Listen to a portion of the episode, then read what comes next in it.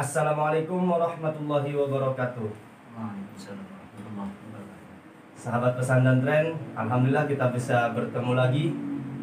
Nah, kali ini jangan heran dengan penampilan saya yang kayak gini. Tiga penampilannya kan.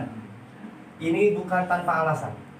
Kenapa saya berpenampilan kayak gini? Karena pembahasan yang akan kita bicarakan saat ini adalah tentang dunia gaib. Hei. Makanya untuk kali ini narasumbernya pun seorang ahli dalam pergaiban yaitu seorang praktisi eh apa namanya Ustaz saya lupa Praktisi rukyah. rukiah pra- praktisi rukiah nah un- untuk lebih jelasnya langsung saja beliau memperkenalkan diri silakan Ustaz Ya, terima kasih atas waktunya. Assalamualaikum warahmatullahi wabarakatuh. Eh, sahabat-sahabat semuanya, sahabat subscriber ya. Wih, Ya, pesan dan tren Pesan dan tren luar biasa ya. Pesan dan tren mudah-mudahan semuanya dalam keadaan sehat amin walafiat, amin amin waras bergas. Sugi beras bergas ya. ya. Sugi beras, beras sugi beras. Alhamdulillah kita pada malam hari ini kita jumpa dalam acara yang dipandu oleh host yang sangat fenomenal ini. Siapa namanya? Gus Waikumsun Gus Lai Kumsun. Luar biasa. Oh, luar biasa. Baik Gus Lai Kumsun. Ya, Terima kasih sebelumnya telah mengundang kami ke sini di acara pesan dan tren. Eh, kami dari Rukyah Aswaja An-Nahdiyah atau biasa kita sering sebut itu adalah JRA. JRA. Rukyah Aswaja ya. Nah, jadi itu adalah itu salah satu organisasi organisasi di bawah sayap dakwah Nahdlatul Ulama yaitu LDNU. lembaga dakwah Nahdlatul Ulama berarti resmi ya resmi ada SK-nya dari Kemenkumham dan itu legal Wow. secara hukum dan dapat Ah. dipertanggungjawabkan standar keilmuannya. Nah di sini kita terima kasih sudah diundang oleh Pesan dan Ren kami dari PAC pengurus C kalau di CR ini ada tingkatannya ya Gus ya. Kecamatan, ada pengurus kabupaten, ada provinsi provinsi dan pusat. Kita Oh. ini bergerak di kecamatan, terutama di kecamatan Keramat Batu, daerah yang paling keramat. Namanya saja sudah Keramat Batu gitu ya, ya. itu pun tempat tinggal saya Ustaz Allah Akbar.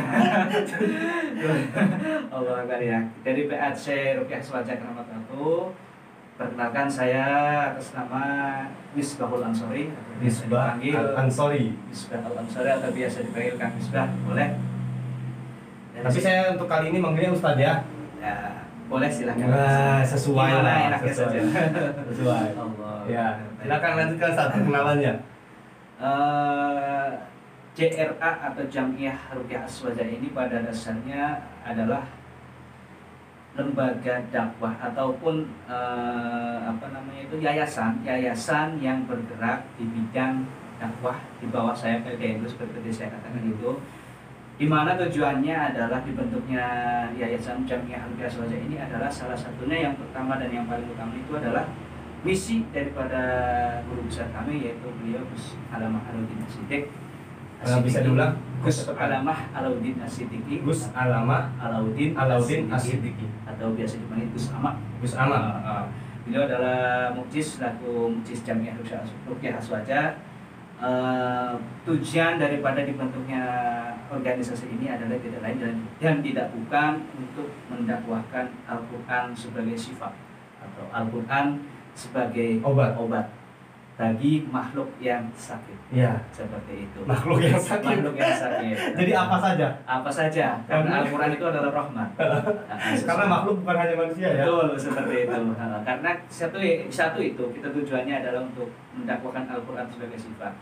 Nah karena kita mengembang misi dakwah maka di sini eh, kita ada panduan dan apa namanya itu eh, istilah ininya pakem-pakem tertentu yang memang di situ kita tidak boleh keluar daripada ring dakwah itu. Mm-mm. Salah satunya yang paling Iya. utama itu kita nggak boleh istilahnya itu pasang tarif. Oh, Itu nggak pasang tarif, ya. dan sebagainya dan sebagainya itu nggak boleh. ada banyak aturan-aturan Ada dalamnya banyak ya aturan-aturan. Jadi nggak Salah satunya sembarangan. itu tidak sembarangan. Dan kita pun sebagai praktisi-praktisi itu tidak boleh pasang pelang nama walaupun kita udah bisa rukyah, udah ijazah rukyah di CRA ini, kita secara perorangan tidak boleh pasang pelang nama si A si B ahli Contoh, rukyah gini. boleh.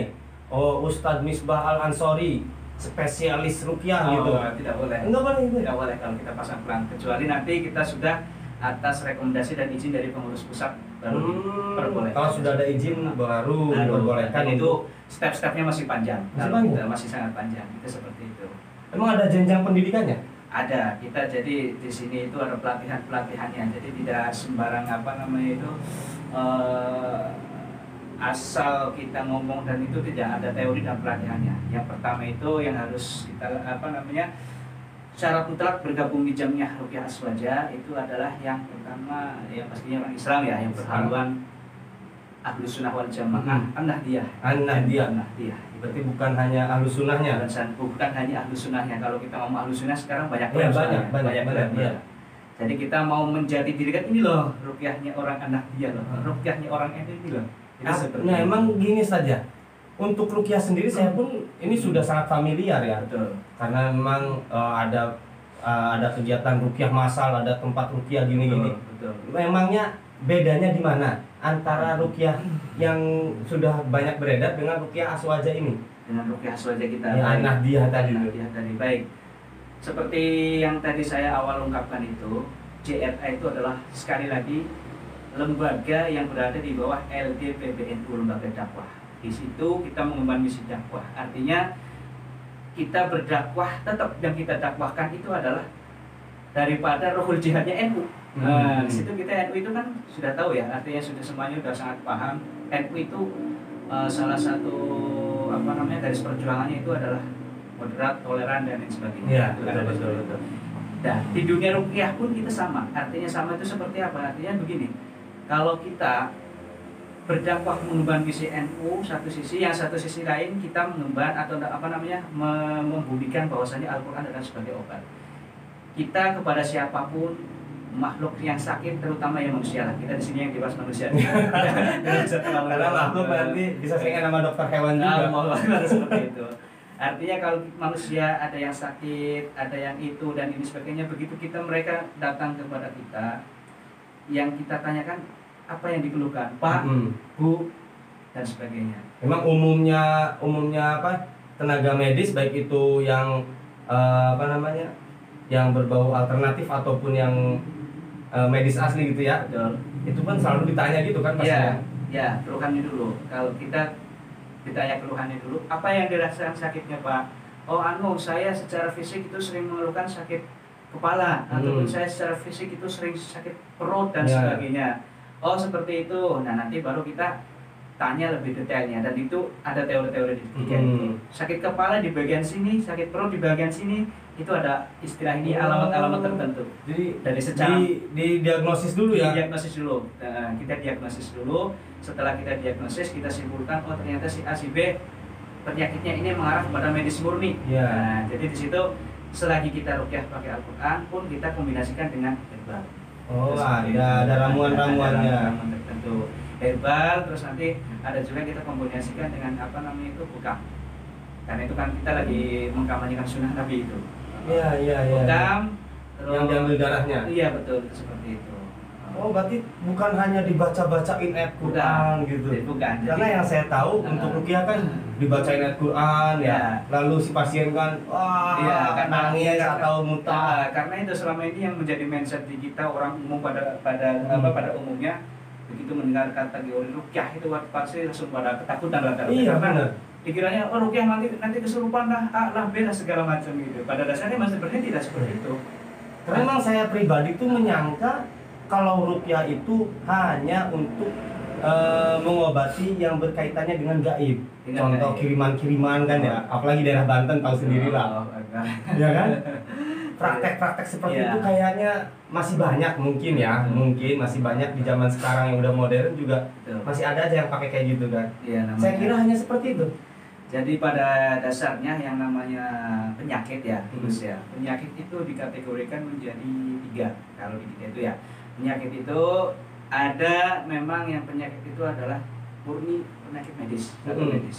Yang kedua non medis atau bisa kita sering katakan gangguan gaib, non Hmm. medis atau gangguan. Nah, yang ketiga adalah faktor psikolog.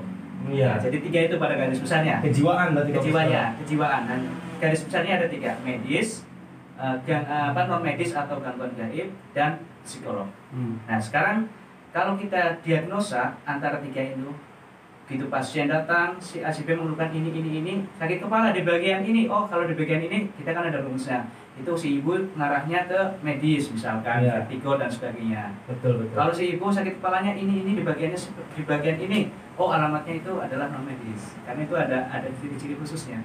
Dan kita sudah apa namanya sudah tajribah. Tajribah itu sudah diteliti dari para ulama-ulama dan dari para generasi-generasi. Iya iya iya. Tapi Seperti tadi itu. Kan tujuan awalnya adalah dakwah ya. dakwah. Dakwah. Yang didakwahi ini manusianya apa memang si jinnya kalau memang Ya, yang kasus kesurupan? Oh gitu. Kalau yang pertama kita berdakwah itu pada yang sakit. Yang sakit siapa? Ya pasti yang datang itu yang mengeluhkan manusianya kan. manusianya ya. Pak, saya sakit ini. Oh, ibu, ya misalkan gitu ya. Hmm. Dengan adanya penyakit ini, yang pertama adalah pasti ada ujian dari Allah. Sabar, sholat, diperbaiki, ibadah ditingkatkan. Kemudian yang kedua, mari kita bersama-sama berdoa. Hmm. Gitu. Kita itu dakwah. Doa. Saya mendoakan, saya tidak punya kekuatan apa pun. Ibu juga mendoa apa? Ibu juga berdoa sama-sama kita khusyuk minta kepada Allah. Saya akan bacakan ayat-ayat syifa. Ayat saya ayat-ayat syifa itu apa? Banyak. Hmm. Artinya ayat-ayat yang memang digunakan untuk kesembuhan, untuk penyembuhan, Oh. pengobatan. Ah. Untuk digunakan untuk penyembuhan atau pengobatan. Di situ juga pun ada ayat-ayat rukyah dan Hmm. ayat eh, apa namanya? Ayat syifa khusus ada, Hmm. ayat-ayat rukyah ada, terus ayat khusus mengenai gangguan gaib dan sebagainya ada. Semuanya itu dipisah-pisah. Iya iya. Tapi untuk membedakan ini penyakit medis atau non medis, Medis. Ustadz tahunya gimana? Apa punya ilmu merasakan gitu? Oh. Diraba-raba, wah ini non medis nih gitu. Enggak. Jadi pada garis besarnya kalau si pasien itu apa nama itu mengeluhkan sakit, kita sebenarnya tidak bisa menjustifikasi langsung si A medis, si B itu tidak. Sebelum kita lakukan rokyah, kita rokyah dulu. Hmm. Ada pasien datang, kita rokyah dulu rokyah standar. Di sini Iya. para dokter itu dokter umum lah, rokyah Iya. standar. Nah setelah di rokyah standar, apa reaksi yang di, yang di apa namanya Rasakan. dirasakan atau yang dialami oleh si Pasien. atau si apa namanya eh marki atau marki ya. Apa Pasien ini dirasakan? sebutnya Marki. Marki. Kalau saya sebagai Turki adalah Rocky. Oh, Rocky dan Iya, Marki, pakai istilahnya seperti Iya. itu. Apa yang di apa namanya reaksi yang ditimbulkan atau yang dirasakan oleh si pasien itu? Muntah, sama-sama muntah. Misalkan reaksi ayat dibacakan, karena ayat itu begitu dibacakan masuk ke syaraf dan syaraf itu merespon. Kemudian syaraf syaraf pusat memberikan istilah ininya apa ya? eh, ya ya respon lah dia itu di mana titik yang diba- apa yang merasa sakit atau terganggu akan ber- Bereaksi. bereaksi itu bila dibacakan dan yang sakit perut dia akan mual dan dia Jadi muntah. mual itu adalah reaksi Reaksi dari daripada uh, bacaan yang tadi didengar ini iya. ya. mual itu adalah salah satunya bacaan Al-Quran yang masuk ke syaraf pusat dan syaraf pusat merekam memerintahkan yang sakit itu buang karena kita tujuannya Iya. kita niatkan ayat ini untuk berobat loh gitu Berarti kalau tidak muntah itu apakah tidak ada penyakitnya? Uh, bukan seperti itu juga Bagaimana jadi? Jadi ada pertanyaan orang di Rukyah kok biasa-biasa saja, Iya, tidak iya. ada reaksi A, B dan Iya. sebagainya, tidak mual, tidak apa. Jadi kemungkinannya kalau orang di Rukyah itu tidak ada reaksi hanya tiga. Yang pertama itu memang dia nggak nggak punya keluhan penyakit. Yang pertama memang dia nggak punya keluhan penyakit baik medis maupun non medis sehat kan? Iya. Yang pertama itu. Kemudian yang kedua kemungkinannya apa? Kemungkinan yang kedua adalah eh, dia itu tidak fokus dan tidak khusyuk. Oh, Tidak dari- fokus selama tidak khusyuk. di rukyahnya Selama di itu. rukyah, ya. mungkin dia di rukyah artinya ke mana pikirannya di mana Hmm. jasanya di sini tidak fokus dan tidak khusyuk apalagi kasusnya kasus rukyah masal Oh, kan biasanya gitu umum tuh ya. begitu rukyah masal lagi fokus tiba-tiba ya sampingnya teriak-teriak histeris Iya. wih jadi takut Iya, dan sebagainya jadi konsultasi bu ah, ya benar, yang kedua benar, itu eh, apa namanya eh, gagal fokus lah katanya Iya. yang kedua kemudian yang ketiga si penyakit itu karena sudah saking kronisnya gitu Oh, malah Udah. ketika sudah parah sudah ketika sudah sangat kronis itu duduknya kalau kelihatan secara dohir mata itu nggak nggak nggak bereaksi Iya. tapi sebenarnya tetap bereaksi hanya saja kapan reaksinya reaksinya nanti ada wayah-wayah tertentu ada waktu tertentu di saat beliau atau dia itu tidur di saat dia tidur Oh. sugesti atau ayat-ayat Al-Quran yang kita bacakan pada yang sakit itu akan masuk ke alam bawah sadarnya tanpa apa namanya itu eh, tanpa kita sadari begitu dia proses tidur masuklah sugesti rukyah yang tadinya saya niatkan misalkan al-fatihah ini saya niatkan untuk menyembuhkan sakit gigi atau sakit eh, lambung si A si B al-fatihah. Mm-mm. setelah diniatkan itu kok dia nggak ada reaksi? Nggak apa-apa. Mm. setelah nggak ada reaksi nanti ketika dia tidur baru dia akan masuk sugestinya baru akan merasakan. Nah, pada saat nanti saat-saat tertentu biasanya itu kalau di teori kita itu menjelang subuh itu ada saat-saat di mana sel-sel itu melakukan regenerasi. Jadi sel-sel Iya, iya, yang rusak itu melakukan istirahat. regenerasi. Nah, di saat sel itu melakukan regenerasi ditopang atau dibantu dengan ayat-ayat rukyah atau dari Hmm. sugesti Al-Qur'an itu tadi, maka eh, akan semakin mempercepat pemulihan dan kesembuhan. Mm. Tapi kalau pada saat kita pegang saat itu pada saat Ah, siangnya itu nggak nggak kelihatan kalau udah sangat parah. Dan untuk penyakit penyakit kronis seperti itu ya untuk sabaran penanganannya. Tapi eh, selama ini ya, karena udah lama bergelut di dunia rukiah, Betul. untuk yang Ustadz tangani nih, Ah. yang Ustadz tangani itu kebanyakan penyakit medis apa non medis? Selama ini Hmm. ya jadi seperti ini ya. Kalau orang berobat ke dokter pasti kata dokter medis. Iya. Kan gitu ya. Iya. Kalau orang berobat ke dukun pasti kata dukun, wah ini mah sihir, apa tempelan, ketempelan, Ah. segala macam, kesurupan segala macam. Tapi kalau orang berobatnya ke perukyah Hmm. itu apa kata Al-Quran? Bukan kata apa kata dokter, bukan apa kata bukan kata apa kata teori, tapi apa kata Al-Quran. Bagaimana menurut Al-Quran? Wa nunazzilu minal Qur'ani ma huwa wa rahmatun lil mu'minin. Dan kami turunkan Al-Quran kata Allah sebagai obat dan sebagai rahmat. Artinya apa? Kalau sakit merasakan keluhan apa pun itu datang ke perukyah, dirukyah. Pakai Al-Quran, menggunakan metode Al-Quran. Iya. Kalau kita sakit, dapat sifanya Al-Quran. Hmm. Tapi kalau kita sehat minta dirukyah, dapat rahmatnya Al-Quran. Iya. Itu seperti itu. Artinya sakit nggak sakit dirukyah itu nggak apa-apa dan bagus. Kalau sakit kita dapat sifanya Al-Quran. Benar. kalau sehat dapat rahmatnya Al-Quran. Memang saya pribadi sebelum melakukan rukiah udah takut duluan Oh. Ustaz. Nah, jadi kenapa yang ditakutkan? karena tadi tadi Oh, gitu. karena yang sudah yang sudah marak itu Ah, yang namanya rukiah ya berkaitan dengan hal gaib. hal-hal gaib. Betul. Nah kan apalagi lihat eh, prakteknya Prakteknya. di lapangan itu yang di rukiah itu kan mual-mual ada yang wah histeris nangis ada yang ngamuk-ngamuk. Kita kan udah takut duluan wah nanti gini gini gini. Jangan- Jangan-jangan saya lebih ekstrim gitu. iya. Tapi pertanyaan saya tadi tuh selama ini yang Ustadz tangani kebanyakannya Kebanyakannya. ya persentasenya itu kebanyakannya ke mana medis apa non medis presentase yang di saya alami selama ini, terutama selama saya berkarir rukyah di iya Kabupaten Serang, Kecamatan Keramat Batu ini, iya 70% kasusnya di situ adalah non medis. non medis kebanyakan 70%. 30% medis murni, Mm-mm. Nah, 30%. Eh 20% medis murni dan yang 10% itu eh katakan bisa dikatakan psikologi lah. Oh, kejiwaan itu Kejiwaan dan itu sedikit. Tapi rata-rata non medis. Hmm, lebih banyak ya Lebih banyak non medis. Itu menandakan apa Ustadz? Zona merah. Berarti menandakan memang di wilayah keramat waktu ini rawan ya Rawan, praktek-praktek